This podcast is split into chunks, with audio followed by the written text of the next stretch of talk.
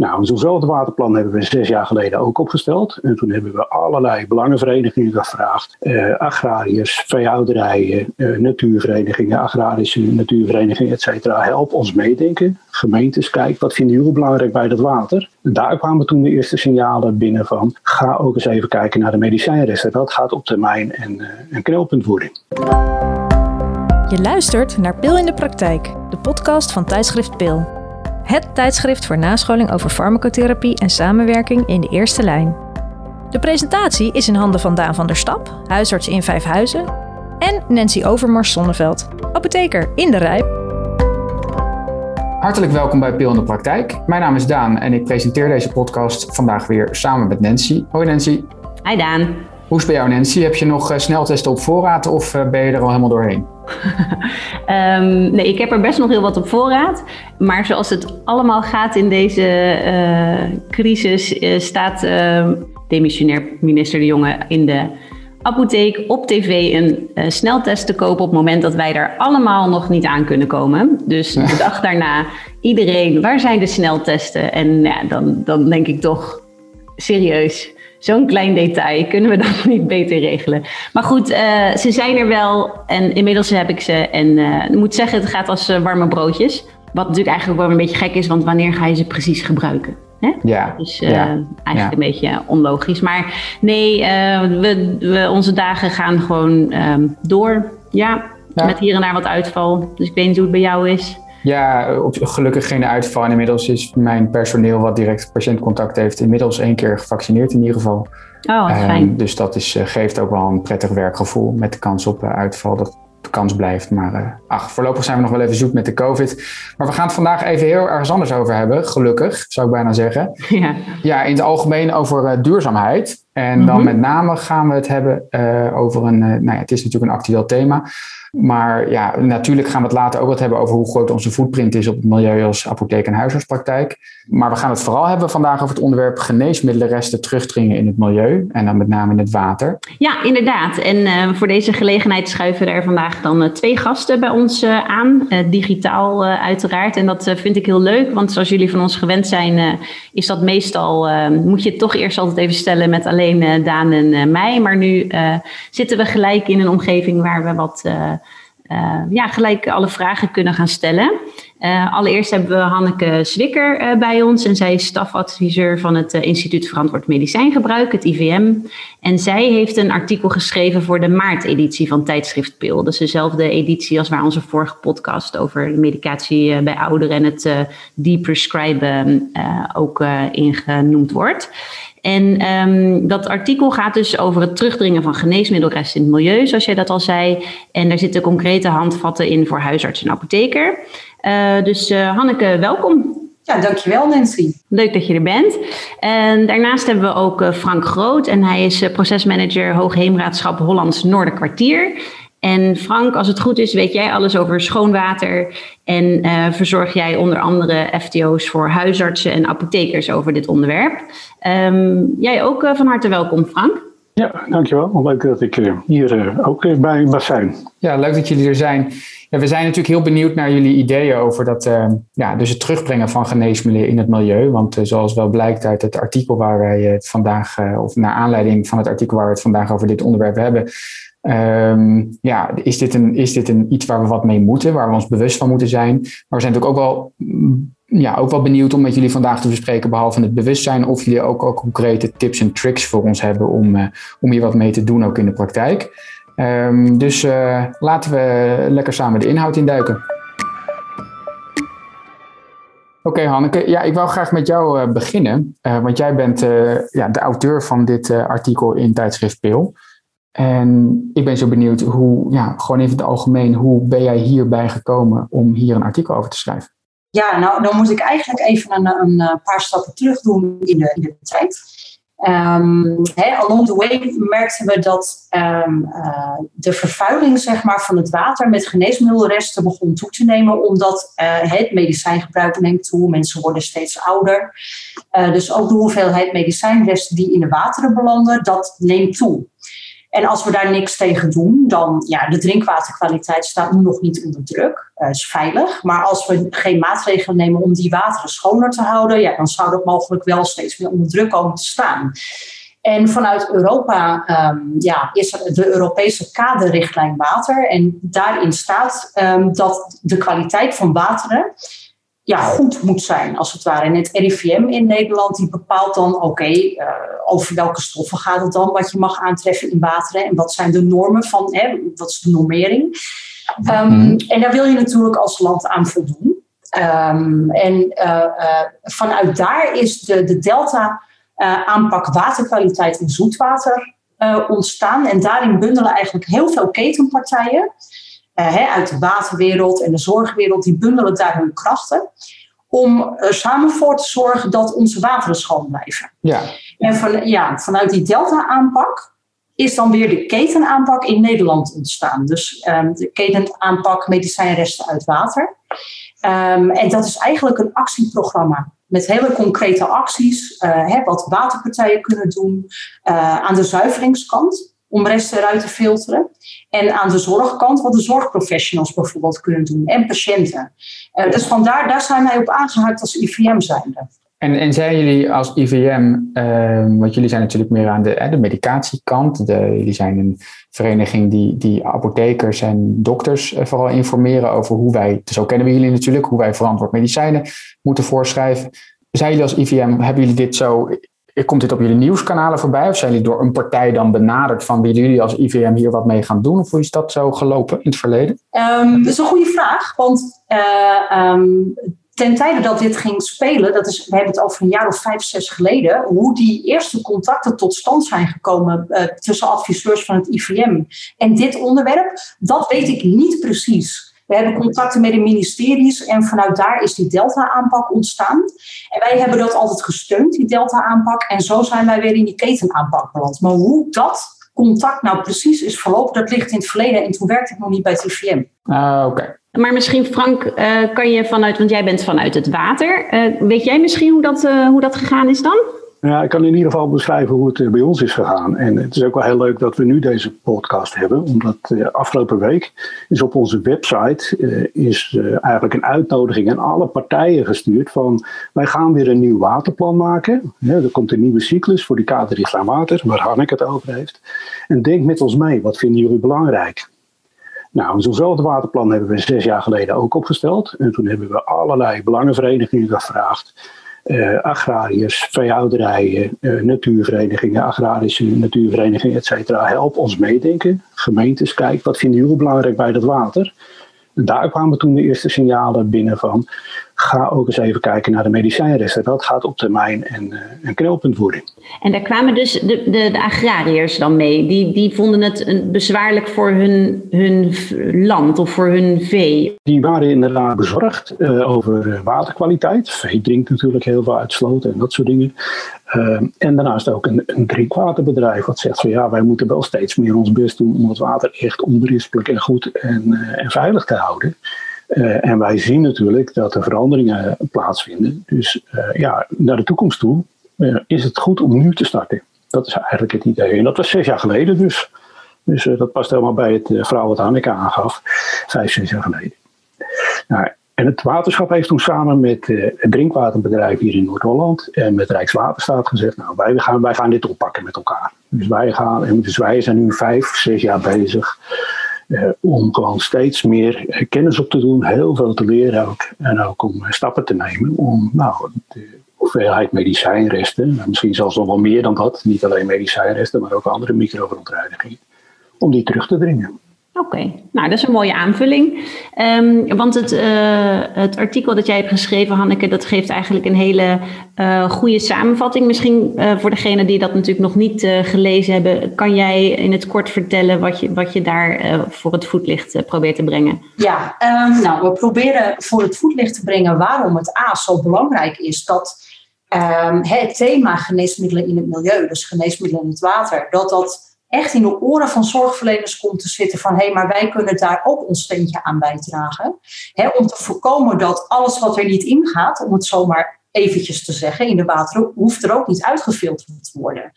Ehm, en het IVM um, is bij uitstek natuurlijk het instituut uh, wat beleid en wetenschap vertaalt naar praktische handvatten voor de zorgverleners. En daarin willen wij ook heel graag onze rol pakken. En um, daarom hebben wij uh, een FTO-module gemaakt uh, over geneesmiddelen in milieu. Waarin eigenlijk heel praktisch aangegeven staat, maar wat kun jij nou als huisarts of apotheker zelf doen in de praktijk om die geneesmiddelenresten terug te dringen? Dus die FTO-module en ook in het artikel daar staat eigenlijk een samenvatting van de module. Uh, dat, dat, werkt via drie sporen. Dus het, het, afvalbeleid in je praktijk. Dus hoe ga je om met geneesmiddelafval in, in de huisartspraktijk uh, bijvoorbeeld. niet door de toilet of de gootsteen uh, spoelen. Dat is heel erg belangrijk. Um, je behandelbeleid kun je natuurlijk zaken op aanpassen om te voorkomen Um, ja, dat je te veel voorschrijft, bijvoorbeeld, wat niet nodig is. Je kunt werken aan de therapietrouw. Uh, maar je kunt ook aan patiënten zelf uitleggen wat zij kunnen doen om uh, ja, het geneesmiddelgebruik terug te dringen, als het ware, en zo een steentje bij te dragen. En daar gaat de module over. Want dat vond ik wel heel grappig, omdat uh, de afgelopen podcast ging over het uh, pre, uh, deprescriben. Dus wat jij zegt, minder geneesmiddelen gebruiken als dat niet nodig is. En toen hadden we heel erg de discussie van dat het soms heel veel tijd en energie kost om iemand van geneesmiddelen af te halen en dat dat eigenlijk niks oplevert financieel. Maar dit is natuurlijk een heel ander. Um, hè, dus, en qua gezondheidswinst, daar kijk je natuurlijk ook naar. Maar dan is het soms weegt het haast niet op. Uh, maar dan is dit toch weer een ander punt wat je dan op de weegschaal kan zetten om te denken: hey, um, ja, toch nog wel weer een reden om, om minder geneesmiddelen te gaan gebruiken. Dus dat vond ik uh, eigenlijk een leuk, leuk haakje daarin. Um, ja, en, en ook wat je zegt, uh, het voorlichten aan mensen van goh, gooi je antibiotica-drank niet door de wc. Dan denk ik, ja, dat weet toch iedereen? Maar doordat we denken dat iedereen het weet, wordt er te weinig over gesproken, denk ik. Ja, dat denk ik ook. En, en wat we dus uit onderzoek bijvoorbeeld merken, dat hebben we uitgevoerd onder burgers. Dus even niet onder zorgverleners, maar onder burgers. En daarin zien we al, je, je zou inderdaad denken, nou, je gaat niet je vloeibare restanten eh, eh, door het toilet spoelen. Dat, dat spreekt voor zich. Maar toch weten heel veel mensen dat gewoon niet. En die weten ook niet dat dat uh, dan veel lastiger wordt voor de waterzuivering om dat er allemaal uit te halen. En dat kost natuurlijk een heleboel geld om die resten ook, hè, als we het over financiën hebben, uh, om die resten er goed uit te halen. Ja, uiteindelijk draaien we ook als maatschappij daarvoor op, voor die kosten. Uh, maar ja, het is natuurlijk niet alleen vanuit schoon drinkwater belangrijk, maar denk ook aan de ecologische kwaliteit. Hè. We, ja, dat staat gewoon onder druk als die resten dus in dat water belanden, en dat kan gewoon ja, op, uh, op waterdiertjes uh, schadelijke effecten hebben. En zorgverleners weten dat ook niet altijd, zijn zich ook niet altijd van bewust. Wij krijgen ook wel eens vragen uh, vanuit de zorg van ja, ik, ik, ik heb gehoord dat dit een belangrijk thema is, geneesmiddelresten in het water. Maar hoe zit dat nou ook alweer en hoe zit het precies? En mensen staan daar toch niet genoeg bij stil ja, wat voor impact dat kan hebben. Want Frank, dat is misschien wel leuk ook voor de luisterende apothekers en huisartsen uh, aanhaken op wat uh, Hanneke zegt. kan jij een beetje uh, een paar voorbeelden of details noemen?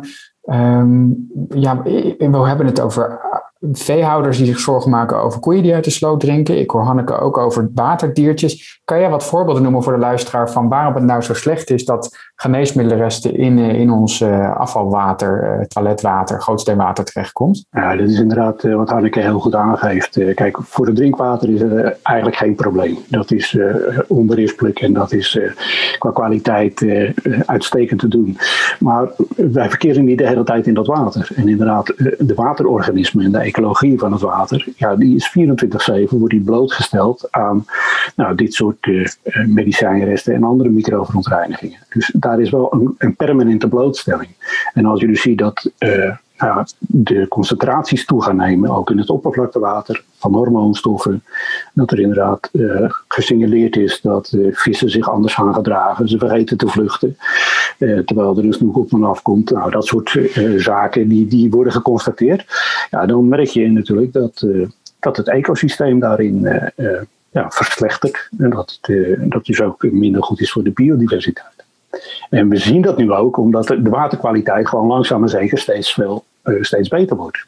Beter wordt? Ja, kijk naar een, flink aantal jaren terug, waarin het water nog zwak was. Uh, toen zijn we afvalwater gaan zuiveren om te voorkomen dat alle vissen op hun buik uh, gingen zwemmen. Uh, en nu zijn we bezig met nutriënten verwijderen, ook vanuit de kaderrichtlijn water, om ervoor te zorgen dat allerlei algen bloeien en dat soort dingen voorkomen worden. Dus ja. we komen ook steeds meer bij een een waterkwaliteit waarin deze stoffen dus ook uh, meer bepalend gaan worden dan voorheen. Omdat daarvoor eigenlijk het water zo slecht was dat, dat eigenlijk dit soort dingen helemaal geen probleem waren. Dus we kijken nu ook al een stuk verder.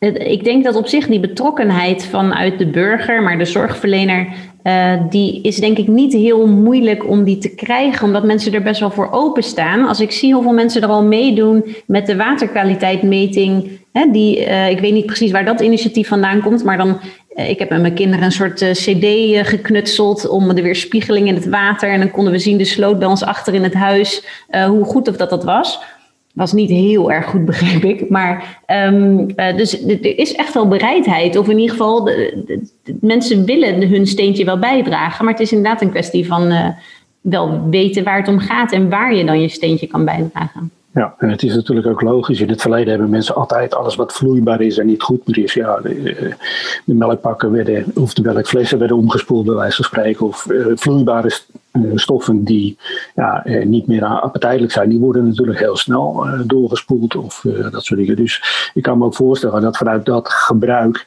dat ook medicinale vloeistoffen doorgespoeld gaan worden. Maar daarnaast is natuurlijk ook het gebruik wordt, neemt steeds meer toe. En uh, ja, kijk je naar dingen als uh, zalven en gels die op de huid smeert. Ja, dat wordt op een gegeven moment ook weer afgespoeld. Dus er komt toch even goed voldoende in het riool terecht. Ja, nou ja, en ik las dan met name, dat is misschien voor de luisteraar die het artikel inderdaad niet heeft gelezen, ook wel leuk, dat bijvoorbeeld inderdaad een diclofenac wat inderdaad de Voltaren steeds meer wordt gebruikt, ook steeds meer wordt verkocht. Je ziet zelfs reclames op tv, omdat het een vrij verkrijgbaar middel is dat je dat dus blijkbaar ook echt eh, goed met een tissue moet afvegen en dan in het restafval of het chemisch afval en dus dan weer niet een uh, afdouchen, terwijl het natuurlijk zo vanzelfsprekend lijkt. Even, Nancy, wordt dat nou als mensen vrij verkrijgbaar bij jullie Voltaren aan de balie kopen, die clovernant gel, wordt dat denk je door jouw assistent eens gezegd? Staat er op de verpakking, weet je dat? Nou, ik wist het niet. Dus nee, uh, ik, ga, ik ga er niet vanuit dat zij dat wisten. En ik moet heel eerlijk zeggen dat ik dan ook denk, als ik dat uh, s'avonds smeer en ik ga s'morgens onder de douche. Denk je er niet over na, toch? Nou, dan zou ik bijna denken dat is opgenomen. Dan kan ik me afsmeren met een tissue wat ik wil. Ja, dus ik denk dat het, dat het zo nieuwig nog is dat we daar een beetje een soort moeten ontdekken wat reëel is, wat niet reëel. Um, maar ik denk eigenlijk gewoon de dingen die we al weten. Tenminste, dat, wat, het meeste wat in mij opkwam was, ja, wij zeggen tegen mensen van ja, restjes antibiotica, vooral van de kinderdrankjes, hè, die moeten bijna nooit helemaal op, omdat het op gewicht gedoseerd wordt. En dan geef je meer vloeistof mee dan dat je uh, nodig hebt, omdat je volle flesjes moet afleveren dan zeggen we het wel. Maar ik denk niet dat we in, op het moment dat we dat zeggen, dat we, dat, dat we de urgentie uh, duidelijk hebben. Het is een soort terloops wordt dat ook gemeld. En ik denk dat daar al zoveel te winnen is, gewoon als wij bewuster zijn en dat je dus aan de balie echt zegt van uh, het is echt belangrijk dat u dit terugbrengt. Ik snap dat het even een extra ritje naar de apotheek is. je kind is eindelijk beter, je hebt wel wat beters te doen dan dat flesje terug te brengen. Maar doe het wel, weet je. En ik denk als wij daarvan overtuigd zijn, dat dat dus uh, echt wel gaat helpen aan de balie. Maar concreet het antwoord op jouw vraag over die diclofenac gel. Uh, nee, dat, dat hebben wij tot nu toe nooit gezegd. Maar het is natuurlijk wel iets... want het zijn ook weer niet zoveel dingen. dus het is in die zin makkelijk om eraan te denken en, en er toch... Ja, want we hebben het dus over hormonen, over NSAID-gels, over antibiotica's. Wordt ook genoemd, hè, Hanneke, in het artikel. Heb jij, heb jij het idee, is het bij de IVM nu, hebben jullie, heerst daar een sfeer met het schrijven van dit artikel van we willen eerst nu, stap 1 is bewustwording bij huisarts en apotheker? Of zijn jullie ook al, ook in die FTO-module, concreet bezig met, um, als we het dan weer even, dan komen we eigenlijk op wat ik in het begin introduceerde, toch tips en tricks. Je zegt die komen wel voorbij, maar hoe concreet wordt dat? Eh, zeg eh, zijn jullie al bezig met adviezen over eh, het ontwikkelen van aangepaste bijsluiters, stickers op doosjes. Zijn er ideeën over wat we nou zouden kunnen, concreet zouden kunnen doen om het vanaf morgen al beter te maken? Uh, nou, er zijn wel, je ziet wel landelijk dat er heel veel ideeën zijn om dit vanuit allerlei invalshoeken eigenlijk te tackelen. dus inderdaad zou je kunnen denken aan een, een milieuwaarschuwing in bijsluiters, bijvoorbeeld. Um, voor zover mensen die lezen. Nou ja, inderdaad. Uh, lezen de mensen erbij sluiten wel, uh, wel goed. Uh, maar concreet in een module staat met name wat je binnen je eigen praktijk, zeg maar, hoe je dat afvalbeheer goed kunt stroomlijnen en waar je aan moet denken als je omgaat met geneesmiddelresten in jouw praktijk. Hè. Wat mag wel, wat mag niet, wat is wijsheid daarin. Het NAG die hebben een hele mooie afvalprocedure gemaakt voor de huisartsen ze omgaan met geneesmiddelafval in de huisartsenpraktijk. Waarin eigenlijk, eigenlijk stap voor stap staat uitgelegd ja, hoe je daarmee om moet gaan. Uh, dus dat wordt wel heel concreet. Um, en verder ja, zijn er dus uh, adviezen ja, wat je um, uh, aan patiënten mee kunt nemen, mee kunt geven over geneesmiddelgebruik. en wat zij daar dus, hoe zij hun steentje kunnen bijdragen, dat werd net al even genoemd. dat is bijvoorbeeld dat zij hun restjes thuis in het medicijnkastje ja, dus niet automatisch weggooien. Het gaat eigenlijk om alle medicijnen. Alle medicijnresten, dus niet alleen maar een hele kleine groep. Maar medicijnresten horen überhaupt gewoon niet in ons normale restafvalhuis. Uh, lever ze in bij je apotheek. Hè, bij de grootste gedeelte van de apotheken in Nederland kan dat op een verantwoorde manier worden ingezameld en verwerkt als klein chemisch afval. Hè, dat wordt op hogere temperaturen verbrand, dat afval. En de schadelijke gassen die vrijkomen worden afgevangen. Dus dat wordt gezuiverd. Uh, dus die mm bewustzijnstap, zeg maar, um, uh, daar zijn we ook mee bezig. Door bijvoorbeeld, we hebben in 2020 een inzamelweek georganiseerd met een aantal partners. Dat was een inzamelweek in apotheken, waarbij je dus inderdaad A, aan het bewustzijn van de zorgverleners werkt hè, over dit thema, maar ook die burger er heel actief bij betrekt. En dus oproepen, heb je medicijnenafval? Uh, veeg je kastje leeg, breng het naar de apotheek, lever het in. En wij hebben onderzocht, is daar überhaupt bereidheid voor? Willen mensen daaraan meewerken? En ja, dat bleek uit ons onderzoek wel degelijk. Uh, we hebben in één week tijd met een hele korte vooraankondiging vooraf 413 eh, kilo extra afval ingezameld. Alleen maar bij een groep apotheken in Zoetermeer die meededen aan een pilot. Nou, dat is echt. Oh jee. Als je dat dan ziet, en waarvan een deel spuiten en naalden. En dat mensen eigenlijk zo enthousiast zijn voor dit onderwerp. En ook die burgers. Ja, ik geloof dat ook. Ik denk ook dat het, dat, uh, weet je wel, duurzaamheid in zijn algemeenheid. Maar ook dit, mensen willen daar echt wel aan meewerken. Maar ze moeten wel goed weten wat ze moeten doen. En ik denk dat jouw vraag, uh, Daan, daar ook een beetje vandaan komt van. Maar wat moeten wij dan in de praktijk hè, als huisarts of apotheker ook echt gaan doen? En in uh, voorbereiding van dit gesprek hebben wij het heel even gehad van ja, um, als ik wel eens een uh, euthanasiekit klaarmaak, dan is eigenlijk het enige wat ik een beetje overhoud, is een klein beetje lidocaïne, uh, omdat ik niet de hele ampul nodig heb. En dan sta ik toch altijd een beetje zo van, ja, ja, wat doe ik daar dan mee? Ja, ik heb het in ieder geval nog nooit door de, de gedachte, ik doe het door de gootsteen. Ehm, maar ik gooi het bijvoorbeeld ik denk dat ik het dus niet per se bij het uh, geneesmiddelafval gooi. Omdat ik denk, ja, lidocaïne, ja, wat maakt het uit of zo. Hè? Dus het, het, het, gaat, het zijn maar zulke kleine dingen. En denk ik, ja, en ik heb maar één keer in de nou, zoveel weken zo'n ampul in mijn hand. Maar jij regelmatig toch, Daan? Ja, meerdere keer per week, absoluut. Dus, en dat kun je mooi op absorberend materiaal uh, legen. Ja, maar daar hadden we het over. Want uh, moet je dat dan, als je het gewoon in het ampulletje, wat van plastic is meestal, maar nou, oké, dat en dat doe je dan in het uh, klein chemisch, of in het chemische geneesmiddelafval. Als je het op een, een gaas zou doen, ja, dan maak je weer een extra gaasvies. Kan je niet gewoon, dat is toch ook zonde? Kan je niet gewoon die ampul erin gooien? Um, ja, je kunt de ampul met inhoud en al in de naaldencontainer doen. Ja, want dat is wat ik altijd doe, Nancy. Ik, ik breek een uh, ampul lidocaïne open van 5 milliliter. En het, ik, ik mik het ding omdat het glas is. Ja. Um, mik ik het in, inclusief de lidocaïne milliliter die er nog in zit, mik ik in de naaldcontainer. Dat, zo is wat ik, het, ja. wat ik altijd doe. Maar goed, dat is inderdaad glas. En als je dan plastic hebt, dan kan dat dan dus wordt het gewoon... weer anders voor je gevoel, ja. hè? ja. Ja. ja. maar goed, het zijn maar hele kleine dingen, maar dat zijn natuurlijk de dingen waar je tegenaan loopt. En dan denk je ineens van, hé, hey, daar moet ik even over nadenken. Ja, ik vind het ook heel leuk hè, om, om, te zien. Want heel veel van deze uh, uh, voorbeelden, die komen ook gewoon echt uit de praktijk. En dit zijn ook gewoon collega's die met deze oplossingen zijn gekomen, juist in die FTO's. Dus uh, het ministerie heeft dat heel goed opgezet en, en is ook inderdaad in de volle breedte, de hele keten. Dus niet alleen op het eind van de keten kijken, maar door de hele keten heen kijken hoe kunnen we het voorkomen. En je ziet inderdaad overal hele grote bereidheid om mee te werken.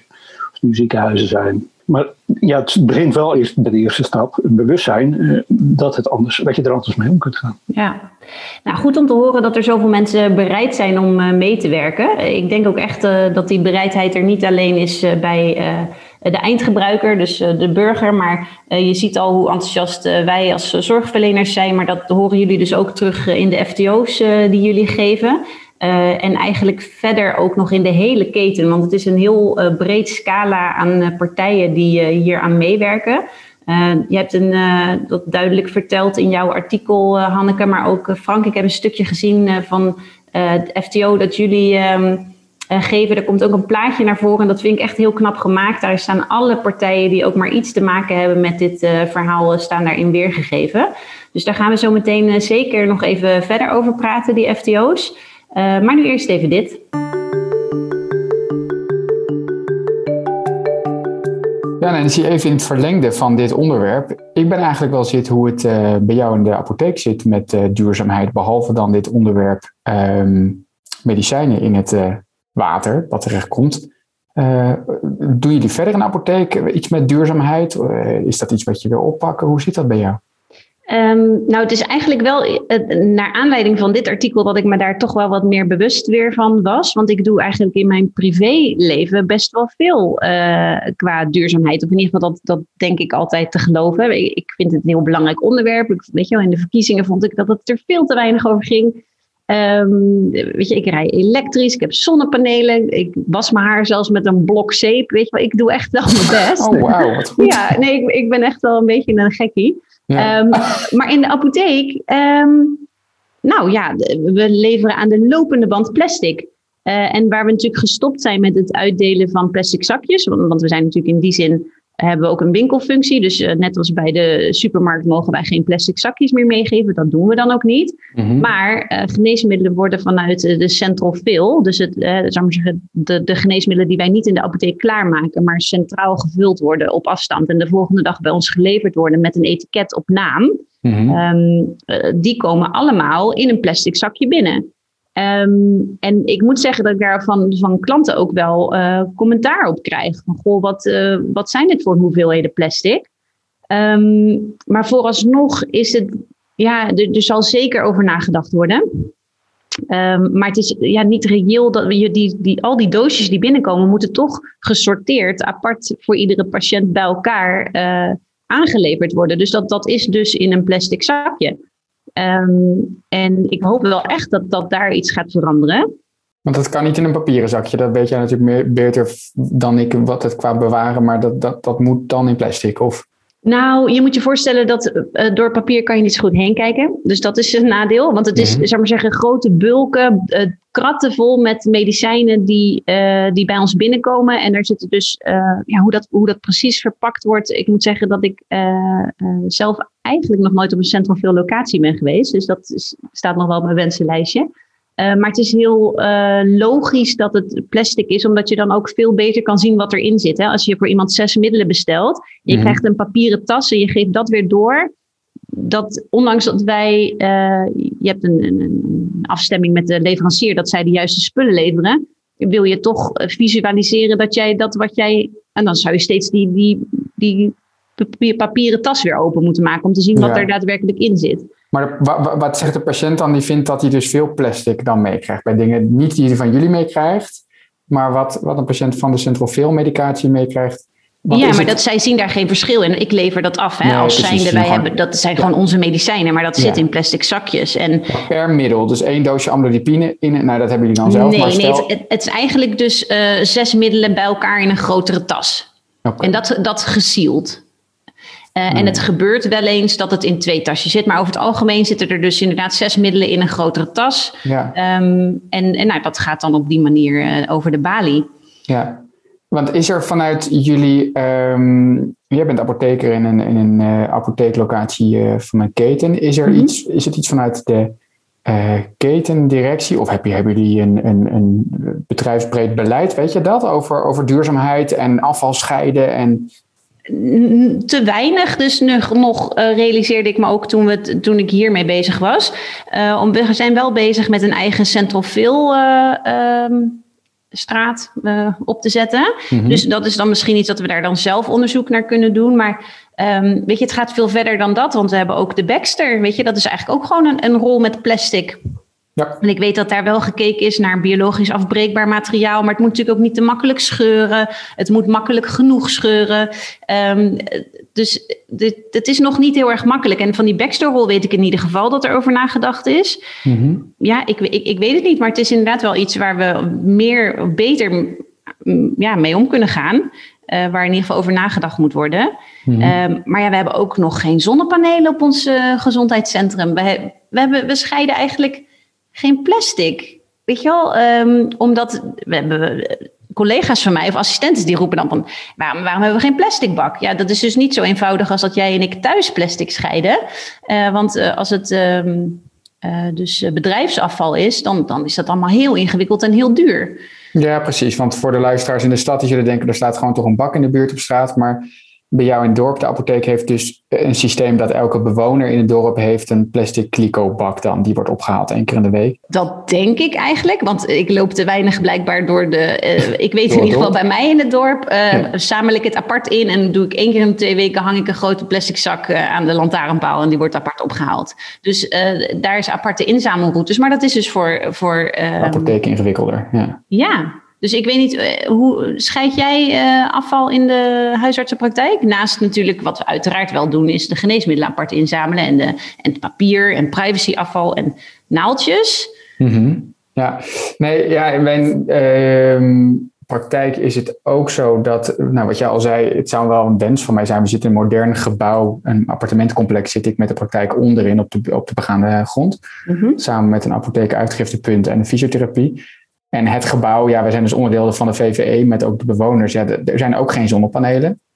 We hebben wel bewust, um, ik doe de energierekeningen en alles samen met de apotheek. Uh, dus met de apotheker hebben we wel gezorgd. Dat was al toen ik de praktijk overnam vorig jaar gelukkig. Dat er een hele nou ja, groene energieleverancier in ieder geval is die belooft groene Nederlandse energie te leveren. Mhm. Mm -hmm. nou, het zou logischer zijn op zo'n modern pand met de VVE te overleggen zonnepanelen neer te leggen. Dus dat is nog iets wat ooit op mijn to-do-lijstje staat. Maar ja, coronatijden heb ik alleen maar meegemaakt in mijn nieuwe praktijk. Dus VVE-vergaderingen ja. zijn of digitaal of worden afgezegd. Ja. Um, en afvalscheiden doen we ja wel, omdat er, ja, maar dat is ook gewoon makkelijk, omdat er dus in het dorp waar ik werk zijn er, uh, uh, of volgens mij heel de gemeente Haarlemmermeer geldt dat voor, waar mijn dorp uh, in ligt, waar ik werk.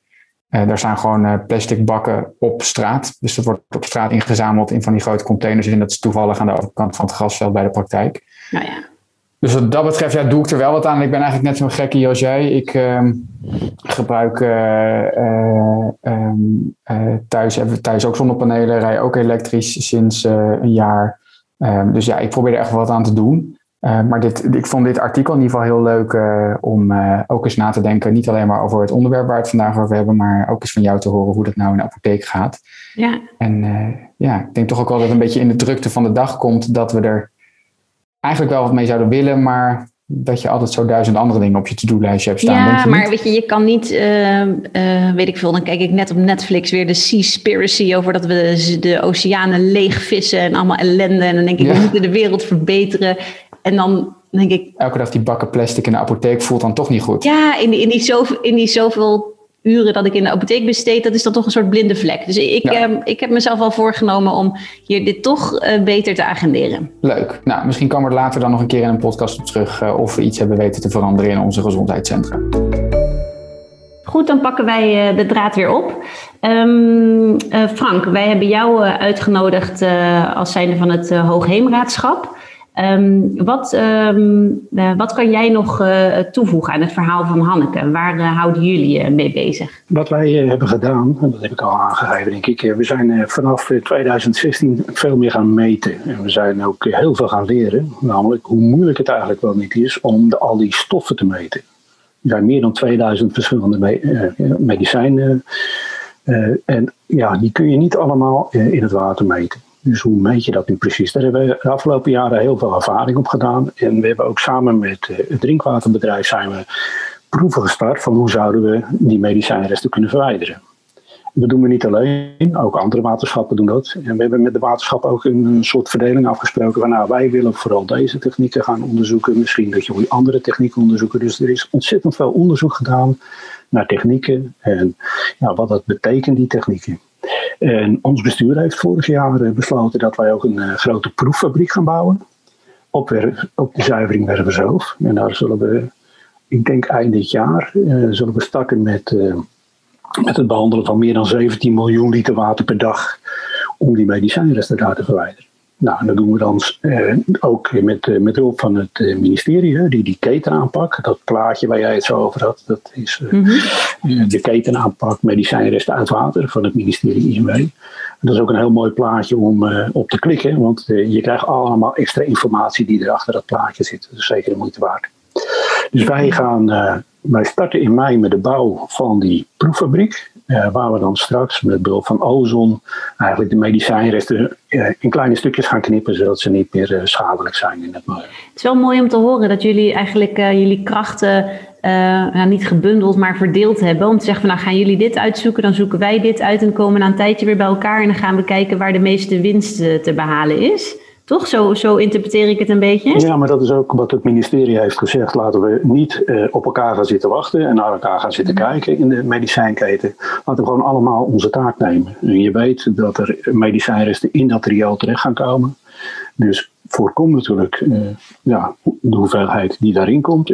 Voorkom vooral dat er onnodig medicijnen in dat riool komen. Maar als ze erin komen, ja, probeer ze er dan ook uit te krijgen. En, nou, dan zie je ja. dat er heel veel technieken nu ontwikkeld worden. En dat er ook heel erg gekeken wordt naar de dilemma's die er dan komen omdat ja, als je het water schoner gaat maken, ga je ook meer energie gebruiken. En we wilden met elkaar juist weer minder energie gebruiken. Dus nou, dat, zijn, dat zijn hele mooie dilemma's waar je voor komt te staan. Ai, ai. Dingen zijn nooit eenvoudig. Keurmerken niet. Uh, ik, ach.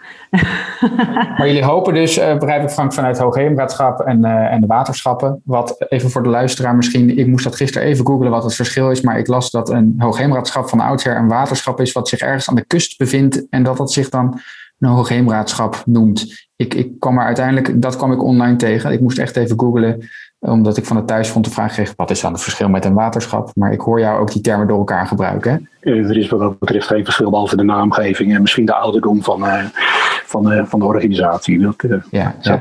Maar ik hoor jou dus zeggen, jullie hopen dat wij als zorgverleners ehm, die keten, dat stukje van de keten aan de voordeur dus um, nou, iets anders kunnen gaan doen, mogelijk dat er in ieder geval minder medicijnresten in dat uh, water komen, zodat jullie minder hoeven te filteren.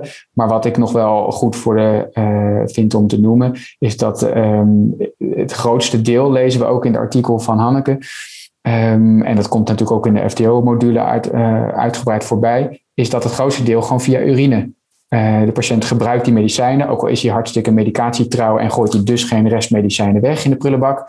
Uh, de grootste gedeelte komt met urine. Dus hoe goed wij ook ons best doen als huisartsen, apothekers, IVM, ministerie van VWS, zeg maar die kant van de zorg. We, houden dit probleem. Hè? Ook al doen wij het perfect, er blijft een, een, een stuk, een heel groot stuk bij jullie liggen als waterschappen. Om dus uh, je stinkende best te doen, wat je net heel mooi beschrijft. Om dus te gaan testen hoe jullie nou dingen eruit kunnen filteren. Ja, absoluut. En dat zie je ook inderdaad, als we met elkaar uh, en, en, iedereen zijn best doet, dan wordt het ook opeens een stuk ja, eenvoudiger. Dan, dan, ga je niet zitten wachten van ja, maar eerst die, eerst die. Nee, je bent allemaal uh, bezig en je bent allemaal heel veel aan het leren het verhaal van de vloeibare medicijnen die de grootste gingen, dat kenden wij als waterschap helemaal niet. Maar dat hebben we van, van de zorg hebben we dat, uh, hebben we dat uh, gehoord en gezien. En we hebben dus ook gezien dat, dat daar zelf ook een ja, hele mooie oplossingen voor te bedenken zijn. En nou ja, zo'n 10, 10% dat is echt medicatieafval. En zo'n 90% dat, dat komt inderdaad via het menselijk lichaam ja, in het riool terecht. Dat klopt, maar toch die 10%. Als je ziet hoeveel uh, uh, ja, ton medicijnresten er in het water belanden, nou ja, dat is toch aanzienlijk. Wat je dan zelf als zorgverlener kunt doen om je steentje bij te dragen. Je ziet ook al initiatieven bij ziekenhuizen die, eh, die ook kijken of zij achter, ja, voordat zij op het riool lozen, of ze daar al een flink deel van, van de medicijnresten en andere stoffen uit het water kunnen verwijderen. Ja, want dat is grappig dat wij onze thuissituatie ook altijd uh, voorbespreken. Of dat wij thuis ook dit uh, voorbespreken. Want ik had hier bij mijn man, vertelde ik hierover. En zei ja, maar ziekenhuizen vangen dat af, neem ik aan. Maar misschien is dat alleen maar bij de röntgenafdeling of bij de oncologische afdelingen. Maar dat zal natuurlijk niet ziekenhuis breed zou zijn? Of is dat, dat is een soort aanname? Dat weet ik eigenlijk niet even. Nee, dat klopt Nancy. Bij, kijk, een, een patiënt die ehm, eh, op de uh, afdeling interne geneeskunde is dat dan vaak uh, door twee infusen, twee verschillende hooggedoseerde antibiotica krijgt.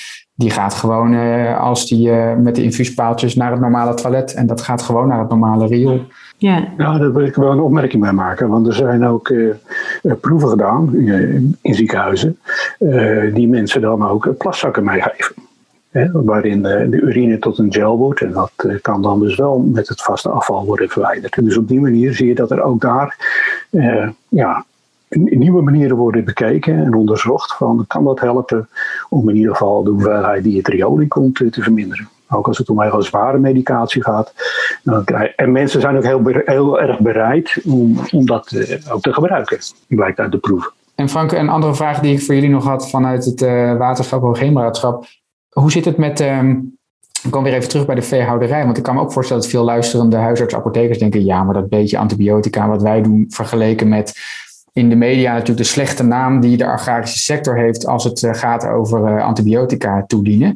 Uh, hebben jullie daar goede contacten? Kunnen jullie daar wat mee? Of verwacht, kijken jullie dan meer naar Europa en wetgeving? Of hoe, weet je hoe dat zit? We kijken dan, ja, we kijken natuurlijk vooral naar Europa. Maar ook het RIVM heeft gewoon goede rapporten geschreven.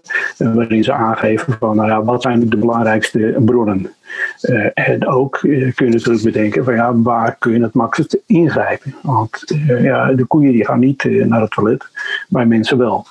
dus daar zitten verschillende aspecten aan om dat te bekijken. Maar jullie houden jullie daar wel mee, jullie denken daar zeker over mee, mogen daarover meedenken. Je kan niet altijd meteen wat doen, maar dat, dat is wel een, een onderwerp ook op jullie agenda. Ja, zeker. Omdat ja, je kijkt toch naar het, naar het totaalplaatje. Ja. Proberen. Uh, maar op dit moment is de focus uh, naast eigenlijk uh, de, de COVID-metingen die we nu in het RIAL ook aan het doen zijn. Oh ja, ja. Of tenminste die het RIVM doet, maar met monsters van ons.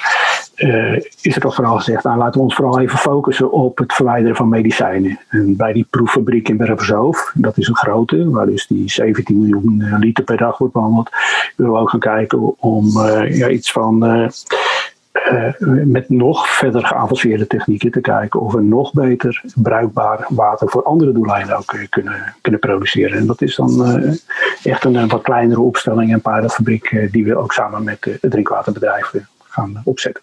Ja. Want er wordt dus een heleboel onderzocht. En gewoon wat je zegt, hè, we leren elke dag en er wordt een heleboel in kaart gebracht.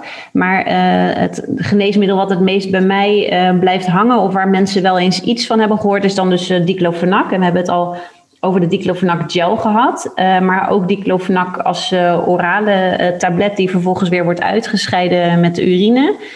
daar wordt dus wel eens over gesproken van... goh, zouden we dat niet veel meer door naproxen moeten vervangen?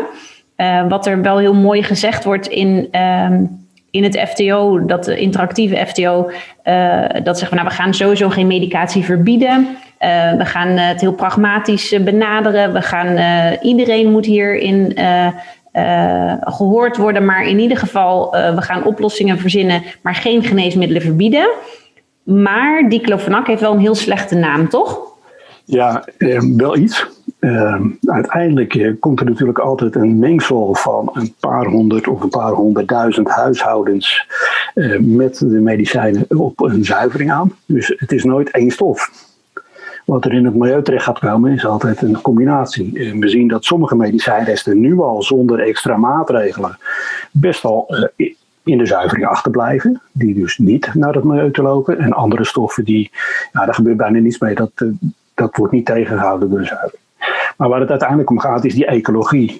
En die ecologie die kijkt niet naar uh, één stofje, die kijkt naar de mix. En er zitten metabolieten in, afbraakproducten van medicijnen, et cetera.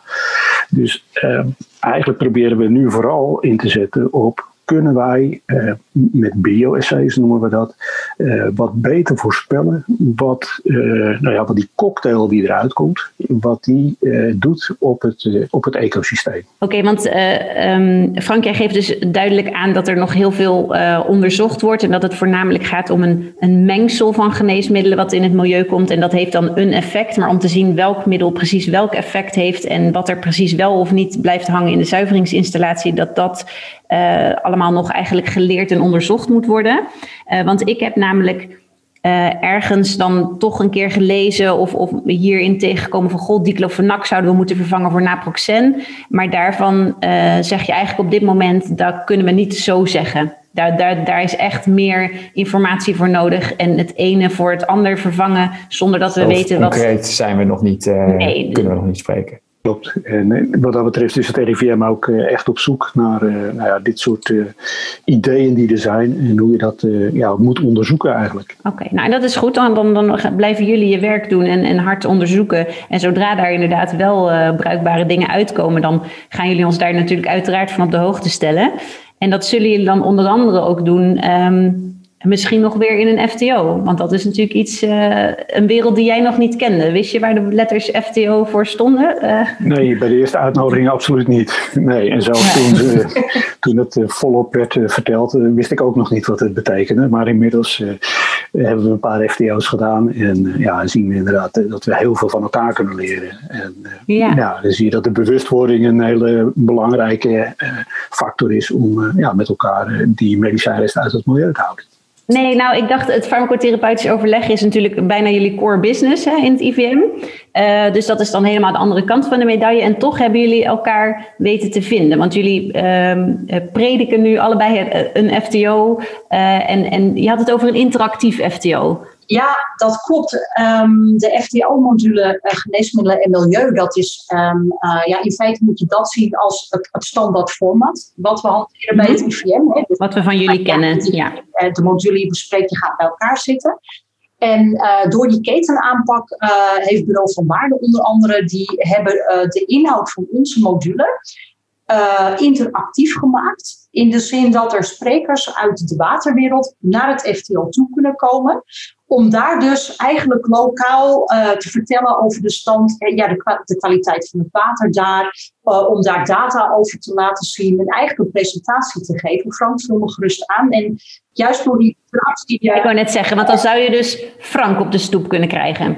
Ja, en, en Frank gaat dan, neemt de, de zorgverleners mee in de waterwereld, waardoor de zorgverleners ook weer een, een beeld kunnen krijgen van wat daar eigenlijk speelt. En dan komt de discussie op gang. Eh, je kun je oplossingen bedenken. Hè? En in onze FTO-module staan natuurlijk praktische handvatten wat je zelf kunt doen als zorgverlener. Maar dat wordt dan uitgediept met een spreker uit de waterwereld. En, en ja, tot einde dit jaar kan men zich daarvoor aanmelden als FTO-groep kosteloos. En hoe vaak heb je dat al gedaan, eh, Frank? Uh, een stuk of uh, drie, vier keer heb ik dat gedaan. Okay. En collega's van mij, maar ook collega's van Rijkswaterstaat. En ik weet ook collega's van andere waterschappen door heel Nederland heen eigenlijk. Die, die zijn ook best vaak, hebben die FTO's gehouden. Ik weet niet hoeveel er totaal zijn geweest. Maar... En zijn dat dan verschillende, van die, die keren die jij dan zelf hebt gedaan, zijn dat dan heel verschillende avonden? Of middagen? Ik heb geen idee. Ja, in mijn beleving wel. Omdat inderdaad, er komen nieuwe ideeën, er komen andere ideeën. Uh, soms uh, is het wat meer uh, nou, zeg maar de, de, praktijk van de huisarts. En soms wordt er iets meer gekeken naar de praktijk van, van de apotheek. ja, dus, dus het is ook altijd een heel gemeleerd gezelschap. Het is heel tailor-made eigenlijk, hè? Ja, het is echt aangepast op de situatie die daar geldt. Ja, precies. En inderdaad ideeën om voorlichting te geven via beeldschermen in de wachtkamers en dat soort dingen. Nou, het zijn ontzettend veel leuke ideeën komen er naar boven. Wat grappig. En ja, dat is dan ook wel grappig, omdat je die FTO's landelijk ook weer terugkoppelt richting het ministerie. Dus ja, dan kun je ook met elkaar afspreken van, nou, is dat misschien dan toch een goed idee om dat soort uh, korte voorlichtingsfilmpjes uh, te gaan doen, et cetera. Ja. Ja, en kunnen we ons voorstellen dat het aan het einde van het jaar nog verlengd wordt? Want er zijn heel wat apothekers en huisartsen. Of is dat natuurlijk nog te vroeg om te zeggen? Maar het klinkt alsof iedereen die dit strakjes hoort, onze podcast, zich gelijk gaat aanmelden en uh, ja, een, een ingevuld FTO is altijd prettig. En zeker als het zo'n onderwerp is waarvan je denkt, hé, hey, dat is omdat het wat nieuwer en anders is, kan ik me voorstellen dat het prikkelend is of dat het interessant is. Ja, ik, ik heb van, uh, van Waardebureau van Waarde begrepen dat uh, ja, deze interactieve aanpak met de sprekers uit de waterwereld van inderdaad heel goed ontvangen wordt. Juist mm -hmm. omdat het iets anders brengt, het is vernieuwend. Um, dus het aantal aanmeldingen is juist gewoon heel hard gegaan, al, al uh, het, jaar, het jaar daarvoor. En vandaar dat het nu verlengd wordt tot einde dit jaar. Oh, het is een verlenging. Eind 2021. Mooi. Zodat meer FTO-groepen al mee kunnen doen. We hebben natuurlijk ook de coronacrisis, waardoor zaken anders zijn gelopen dan dat je had gehoopt. Maar desondanks is er gewoon toch echt wel goed aandacht voor dit thema en zijn zorgverleners hier heel enthousiast over.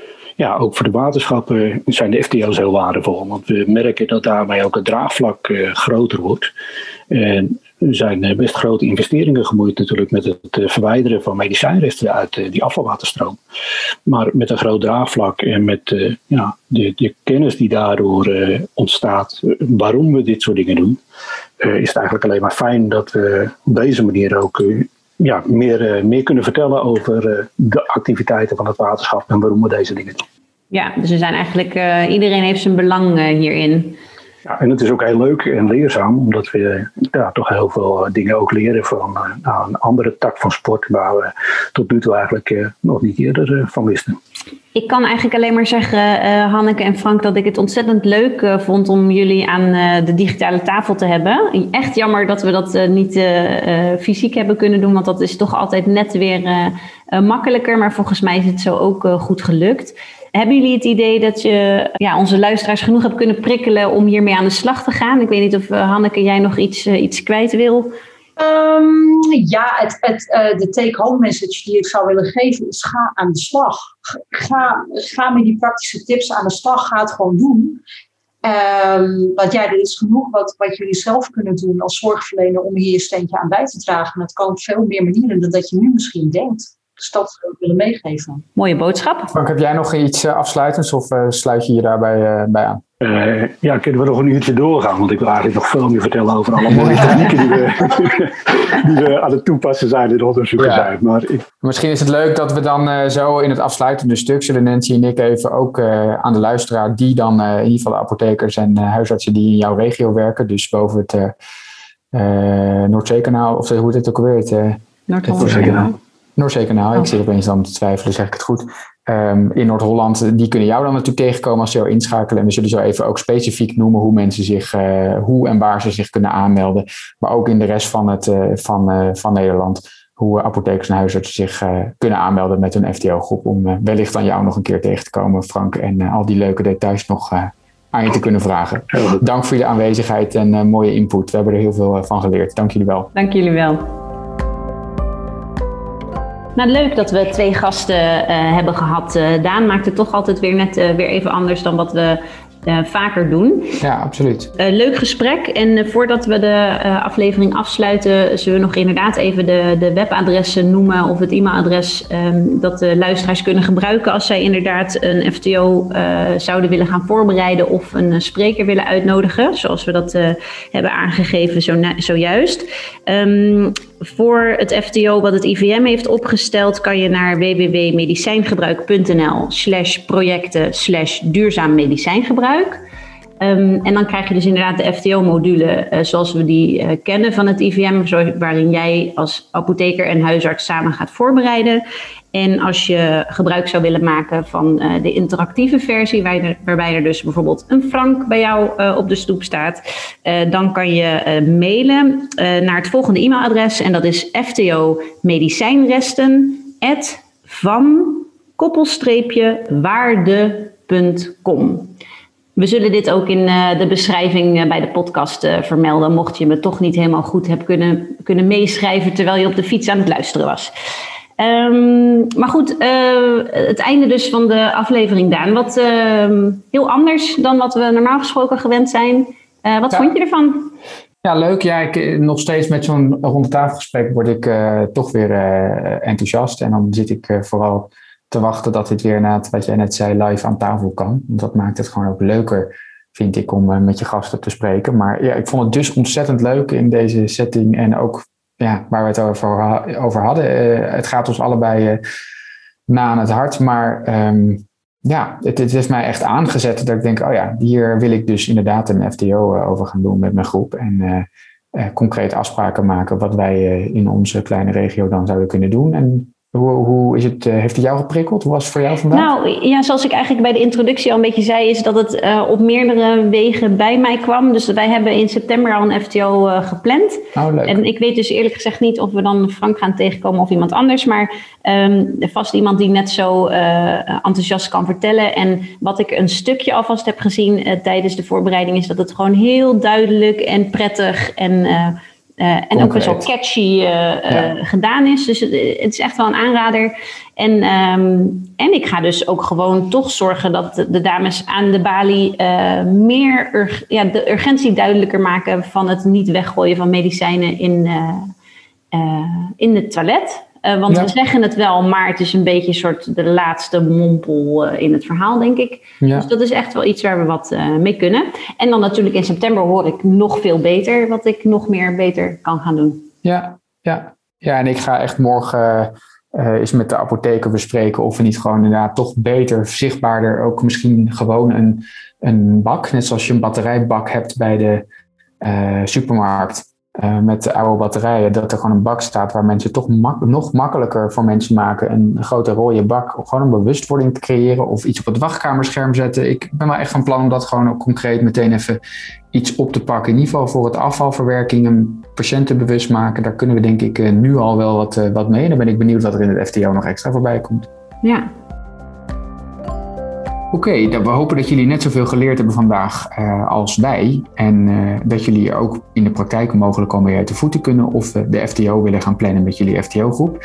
Wil je reageren op deze aflevering of je ervaringen uit de praktijk delen, misschien nog wel over dit onderwerp als je het FTO hebt gedaan, uh, dan kan je ons bereiken voor je reactie op podcast.pil-nascholing.nl. En wil je meer informatie over het tijdschrift PIL uh, of over het behalen van de nascholingspunten met het blad, dan kun je terecht op www.pil-nascholing.nl. En de volgende aflevering van deze podcast verschijnt in juni van dit jaar. En dan zullen we inhaken op het thema van een nieuwe editie van het tijdschrift PIL, die ook in juni zal verschijnen. En het thema van het nummer zal zijn farmacotherapie bij zwangerschap en bij lactatie. Nou, leuk onderwerp. Kijk ik uh, weer naar uit, uh, Daan. Graag tot dan. Ja, tot dan. Je luisterde naar Pil in de Praktijk, de podcast van tijdschrift Pil. Het tijdschrift voor nascholing over farmacotherapie en samenwerking in de eerste lijn. Pil verschijnt vier keer per jaar in de vorm van een papieren tijdschrift en geaccrediteerde e-learnings. Ga voor meer informatie en abonnementen naar www.pil-nascholing.nl.